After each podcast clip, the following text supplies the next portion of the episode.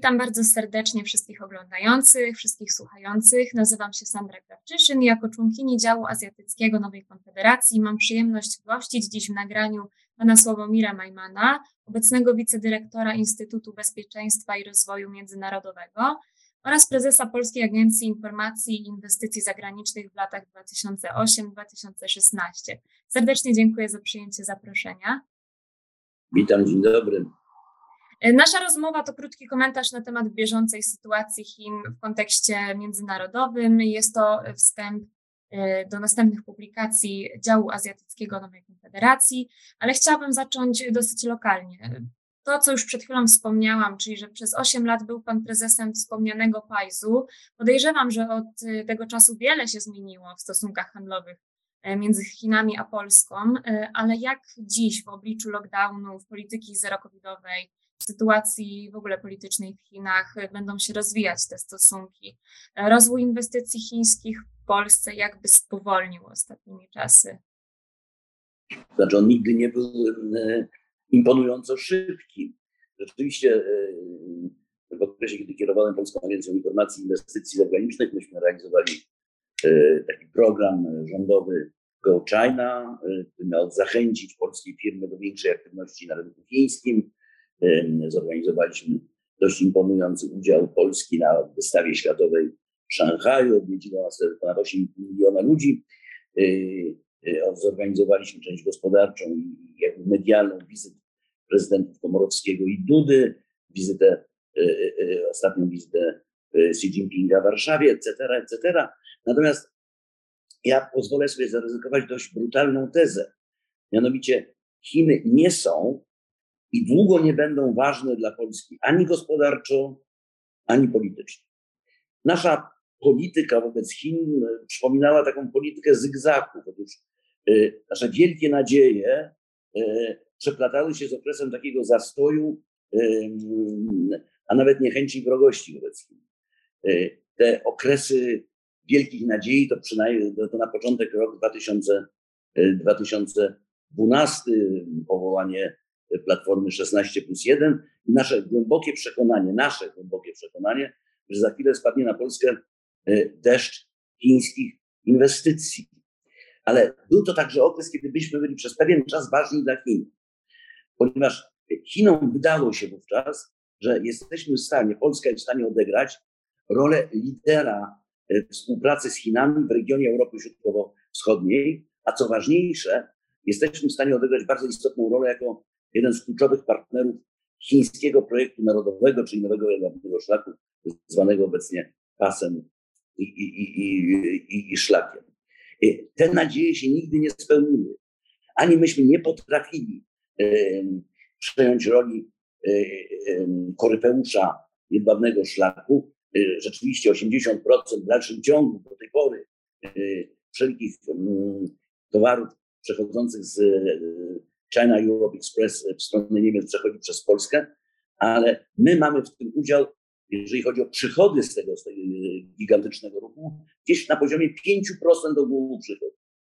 Nie udało się zbudować nigdy hubu, były jakieś fantasmagoryczne pomysły. Oskarżano nieszczęsnego ministra obrony narodowej Macierewicza, że e, utrącił to przedsięwzięcie. Nieprawda, ponieważ ono było niedojrzałe biznesowo.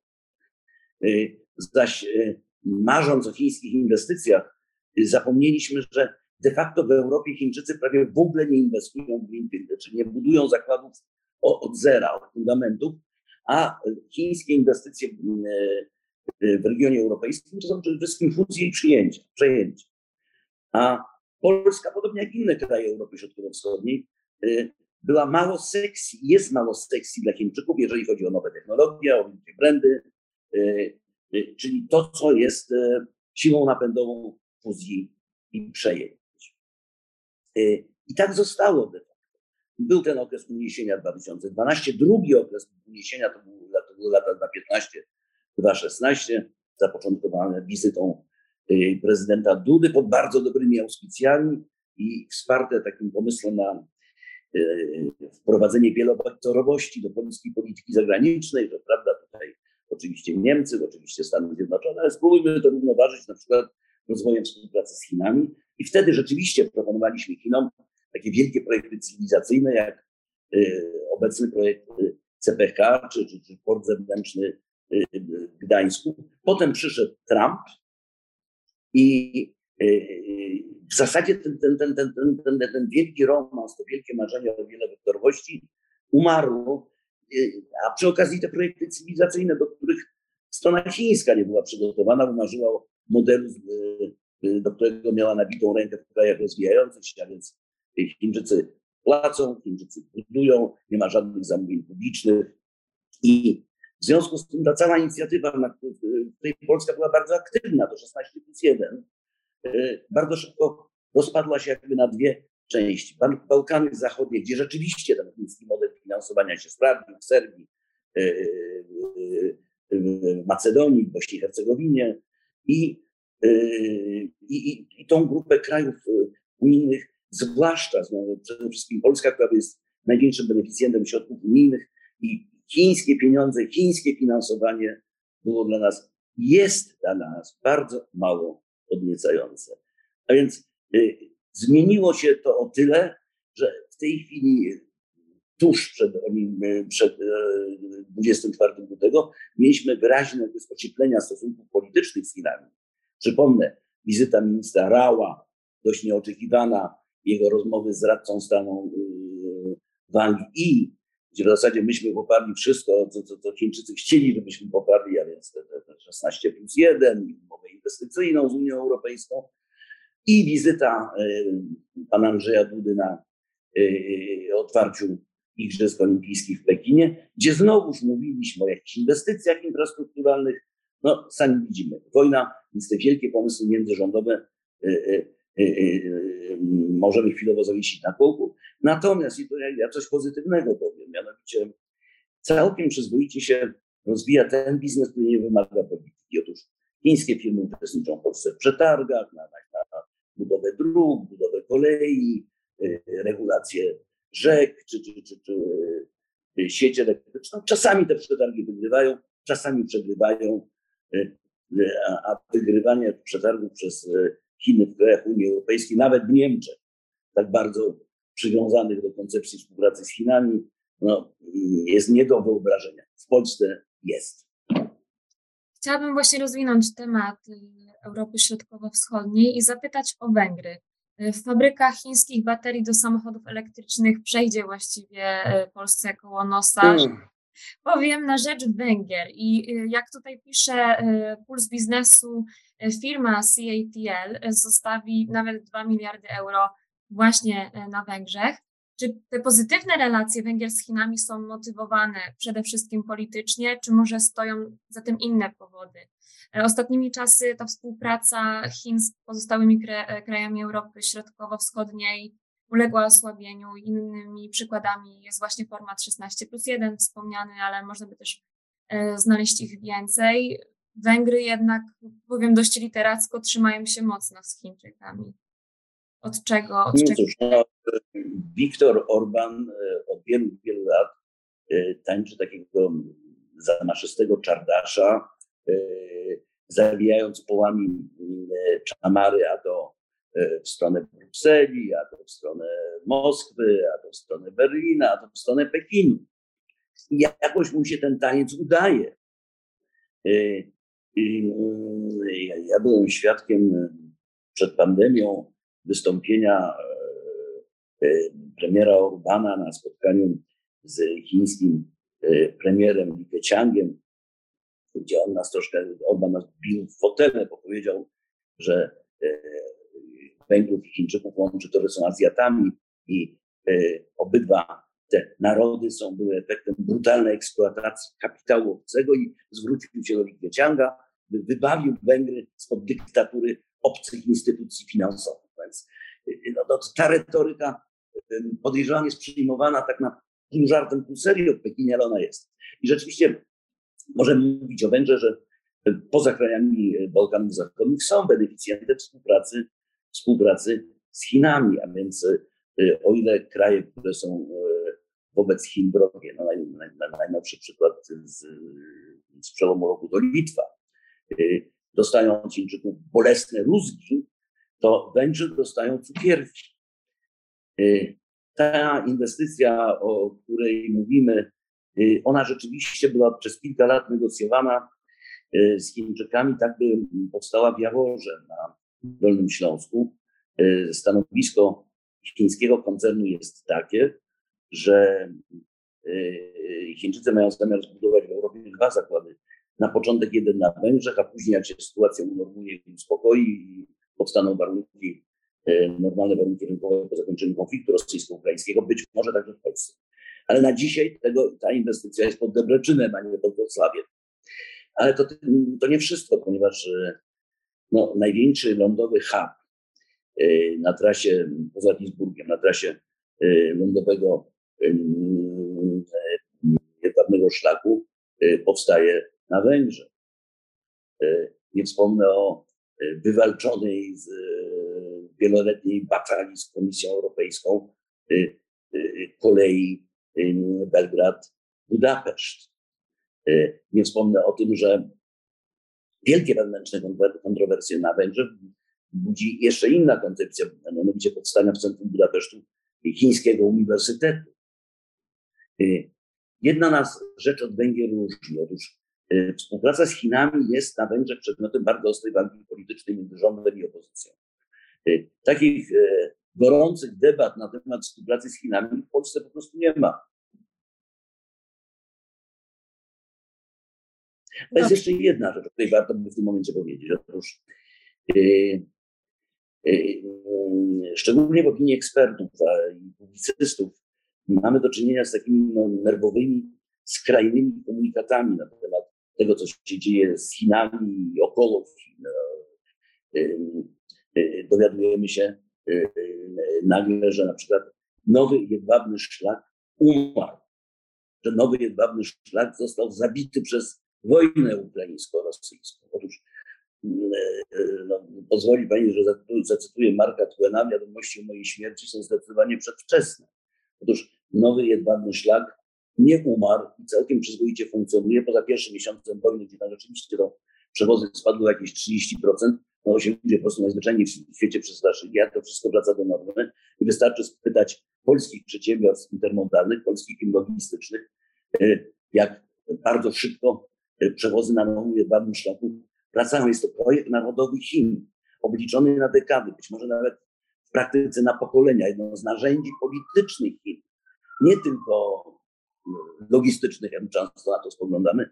I jestem głęboko przekonany, że Chińczycy nie pozwolą nikomu, żeby im ten narodowy plan popsuć. Nie pozwolą nikomu, także Rosji.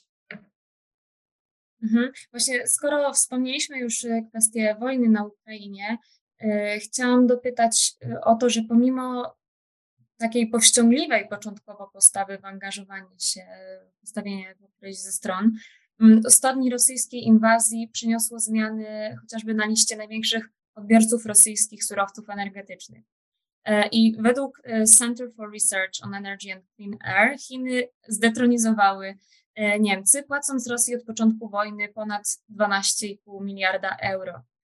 Stąd moje pytanie, czy Chiny zastąpią właśnie zachodnie koncerny energetyczne w Rosji? Co najmniej trzy aspekty ma ta sprawa stosunku Chin do rosyjskiej agresji e, na Ukrainie.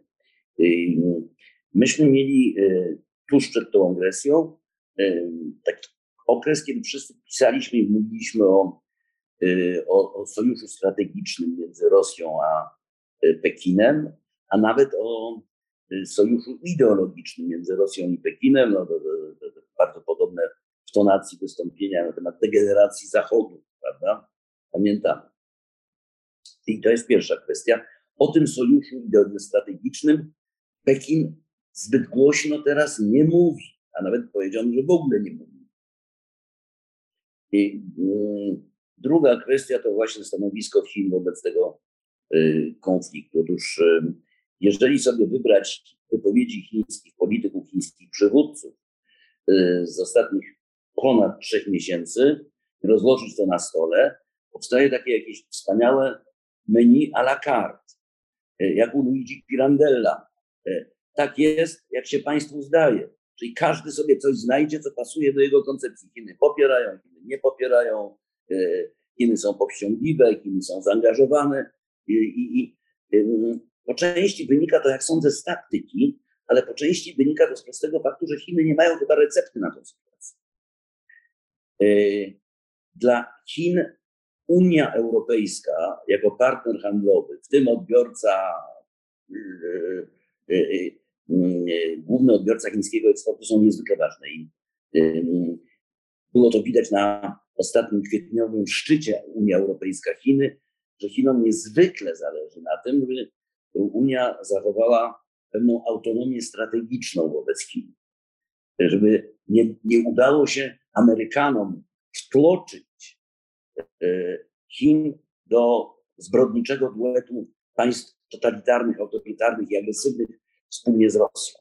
E, bardzo mocno Joe Biden w czasie ostatniej swojej azjatyckiej e, wyprawy mówił o, o, o, o tym, o, o, tym duecie, usiłując stworzyć wrażenie wobec azjatyckich partnerów takiej dwubiegunowości świata. Z jednej strony oni, z drugiej strony świat zachodu broniący tego wszystkiego, co jest nam wszystkim drogie. Chiny tego rodzaju scenariusza się boją, generalnie boją się, jak sądzę, tej e, Chiny boją, chciałyby zapobiec skrajnym scenariuszom. I tutaj dochodzimy do, e, do tej kwestii chyba gospodarczo najbardziej istotnej, mianowicie dostaw rosyjskiej ropy i rosyjskiego gazu do Chin.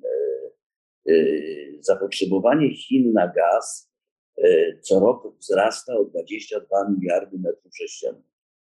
Tak dla ułatwienia, całe zaopatrzenie Polski roczne to jest 20 miliardów, a tu nam rośnie co roku o 22 miliardy. Bez gazu rosyjskiego Chinom byłoby się dość trudno obejść.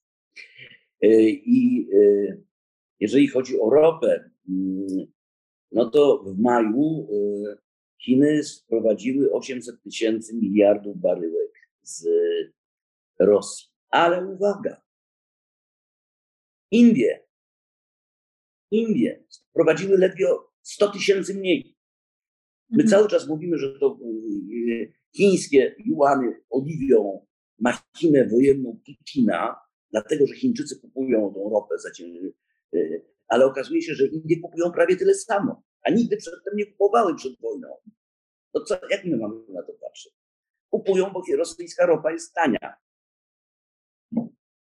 Y, ale wydaje mi się, że z chińskiego punktu widzenia współpraca z Europą jest y, niezwykle istotna i wbrew temu, znowu wbrew temu, co nas mówią rozmaici obserwatorzy, że Chińczycy w związku z tą wojną są w sytuacji win-win, prawda? Rosja osłabiona gospodarczo, militarnie wpadnie w ramiona Chin i Chiny będą dominowały w tym duecie. Otóż wydaje mi się, że Chinom jest ta sytuacja wysoce dla Chin jest wysoce niezręczna bo Rosja z partnera stała się nagle obciążeniem stała się chińskim kłopotem. I to wprost mówią w rozmowach bilateralnych chińscy urzędnicy chińskiego MSZ-u nawet. E, I e, e, ta obawa, która nie daje spać w Pekinie, to ta amerykańska presja na sojuszników, sojuszników w Azji, sojuszników w Europie, która może spowodować, że jedność jedność, którą wywalczył Joe Biden, to jest jego wielkie osiągnięcie, e, wobec e, jedność Zachodu wobec agresji rosyjskiej, wobec Rosji, zostanie przeniesiona na jedność wobec Chin, a przede wszystkim wobec zagodnienia Tajwanu. To jest, to trudno sobie wyobrazić, żeby wszystkie kraje Zachodu miały ochotę maszerować przeciwko Chinom w tym pojedynku amerykańsko-chińskim. W tym samym tempie, noga w nogę co Stany Zjednoczone, no ale jest precedens rosyjski i, i, i ani dyplomacja rosyjska, ani, ani my sami nie spodziewaliśmy się, że ulegnie zmianie polityki. Niemiecka jednak, że, że się odejdzie od tej 30-letniej linii Frau Merkel i jej poprzedników, yy, że Japonia jednoznacznie zacznie mówić o zwiększeniu budżetu wojennego i tak dalej, i tak dalej. To jest ta obawa Chin, że, że, że, że to doświadczenie związane z wojną z Rosją, tą jednością Zachodu wobec Rosji może być przeniesione na jedność wobec Chin. Ostatnie pytanie będzie trochę odbiegać już od tematu tej Europy, relacji bezpośrednich między Chinami i krajami europejskimi, ale ciekawa jestem też, jak spowolnienie gospodarcze w Azji Południowo-Wschodniej wpływa na, na działania Chin. Rosnąca inflacja, bardzo wysokie ceny żywności wpłyną na nastroje polityczne, sytuację ekonomiczną, właśnie sytuację ekonomiczną w regionie. W jaki sposób Chiny mogą tutaj zareagować, jeśli mogą tą sytuację wykorzystać? My mamy, my mamy cały czas do czynienia z dwoma mocarstwami po przejścia. Stany Zjednoczone marnie przetrwały COVID, inflacja, problemy społeczne, to wszystko wiemy. Ale do pewnego stopnia również Chiny są mocarstwem po przejściach. I rzeczywiście po pandemii Chiny znalazły się w zupełnie innym miejscu na geopolitycznej mapie świata. No, umocniły się na tej geopolitycznej mapie świata, powiedzmy wprost, i stąd pewnie wynika to nagle przyspieszenie Y, y, konfrontacji amerykańsko-chińskiej, bo Amerykanom się zaczęło nagle śpieszyć y, do, jeżeli chodzi o powstrzymanie, a może odepchnięcie Chin, że użyję terminologii z czasów zimnej wojny. Dopóki mają przewagę ekonomiczną jeszcze do 2030 pewnie, dopóki mają być może jeszcze przewagę technologiczną i dopóki mają bezsporną przewagę militarną, zwłaszcza na morzach i oceanach. A więc Chiny wyszły z, tej, z tego kryzysu pandemicznego gospodarczo również umocnione, tym bardziej, że runęła w gruzy lansowana jeszcze rok temu amerykańska koncepcja decouplingu, czyli rozdzielenia gospodarek chińskich i zachodnich, bo nagle się okazało, że, że ładnie to brzmi, jeżeli chodzi o przemieszczanie centrów produkcji w, analizach e, ekonomistów, ale zrobić się tego nie da może poza Japonią, która przeznaczyła na 2 miliardy dolarów na, na, na relokację do innych krajów miast. A więc Chiny mają kryzys demograficzny i on jest. W majowym spisie powszechnym 400 milionów, w 400 milionów Chińczyków ma ponad 60 lat. Y, czyli zdążyli się zestarzeć, nim się zdążyli wzbogacić. Y, mało się o tym w Polsce mówi, ale Chiny zmagają się teraz z bardzo istotną, może najważniejszą, najważniejszą reformą od czasów reform Deng Xiaopinga, czyli z reformą wprowadzającą dwa obiegi do gospodarki. To jest bardzo bolesny, bardzo trudny proces. No, Chiny potrzebują spokoju. Y, no wreszcie 20 zjazd Komunistycznej Partii Chin który ma doprowadzić do dalszej konsolidacji i przedłużenia mandatu Xi Jinpinga i, i chyba po raz pierwszy od 20 lat, kiedy rozmawiam z Chińczykami, oni tak w szczerze mówią, że im się to nie za bardzo podoba, prawda? To blokuje całą drogę awansu dla pokoleń. E, I wreszcie to, e, to osłabienie gospodarcze otoczenia, bezpośredniego otoczenia Chin, czyli krajów ASEAN przede wszystkim. E, tylko Tutaj znowuż ja bym nie popadał w jakąś panikę, bo my już mamy ochotę grzebać tą chińską gospodarkę po raz kolejny. Potencjał chińskiej gospodarki i, i jej dynamika, jej atrakcyjność dla krajów Azji, a także krajów Afryki, patrząc dalej, e, rośnie. Myśmy mieli przez 30 lat coś, co można nazwać Pax Americana, ale mamy pewne zarodki Pax Sinica, e, takiego pokoju chińskiego, oczywiście nie na całym świecie, ale w Azji na pewno. E, I wreszcie ostatnia rzecz, e, jeśli idzie o to martwienie się Chin. Otóż Chiny wykazują, i znowuż my tego bardzo ważnego faktu nie dostrzegamy, znacznie większą, no, trudno powiedzieć agresywność, ale asertywność. Nowy program, nowy program, czyli Global Development Initiative, GDI, Globalna Inicjatywa Rozwoju, e, przedstawiona przez prezydenta Xi Jinpinga na sesji Narodów Zjednoczonych, e, która ma być chińską drogą do realizacji e, e agendy 2030. Ona ma kiepski albo żaden rezonans w Europie, ale do tej inicjatywy przystąpiły chociażby 53 kraje afrykańskie. I o ile przedtem ten, ten, ten, ten, ten Belt no, Pas i Szlak był tak nieśmiało ogłaszany na raty, a to w jednej stolicy, a to w drugim miejscu na świecie, e, a to lądowy, a to morski, a to arktyczny, tutaj ten olbrzymi projekt, z którym Chińczycy teraz występują, to jest narzędziem, niewątpliwie narzędziem e, e, bardzo asertywnej polityki Chin, delikatnie mówiąc, e, został sformułowany i puszczony w ruch no, dosłownie w ciągu paru tygodni. Ta globalna inicjatywa rozwoju jest potężnym narzędziem Chin, oddziałującym przede wszystkim na wszystkie kraje rozwijające się i rezonans w Azji i Afryce jest wyjątkowo duży. Więc Europejczycy mają zawsze Zachód miał zawsze tendencję, by nie ufać Chinom, ale teraz mamy prawdziwe powody, żeby się rozwojem Chin niepokoić. Nie ma nieśmiałego olbrzyma z czasów Deng Xiaopinga aż do Hu Jintao. Nie ma nieśmiałego olbrzyma. Są energiczne, asertywne Chiny. Chiny, które pewnie potrzebują stabilizacji, które nie dążą, podobnie jak Stany Zjednoczone, nie dążą do tego, żeby rozwiązywać konflikty drogą militarną, ale w ramach zabójczej walki gospodarczej. Dziękuję bardzo za ten kompleksowy komentarz. Myślę, że poruszyliśmy mimo wszystko bardzo dużo ciekawych wątków, które będą oczywiście jeszcze rozwijane w kolejnych y, publikacjach działu azjatyckiego Nowej Konfederacji. Także ja jeszcze bardzo, jeszcze raz bardzo serdecznie dziękuję za przyjęcie zaproszenia. Moim gościem był pan Sławomir Majman i mam nadzieję do usłyszenia, do zobaczenia.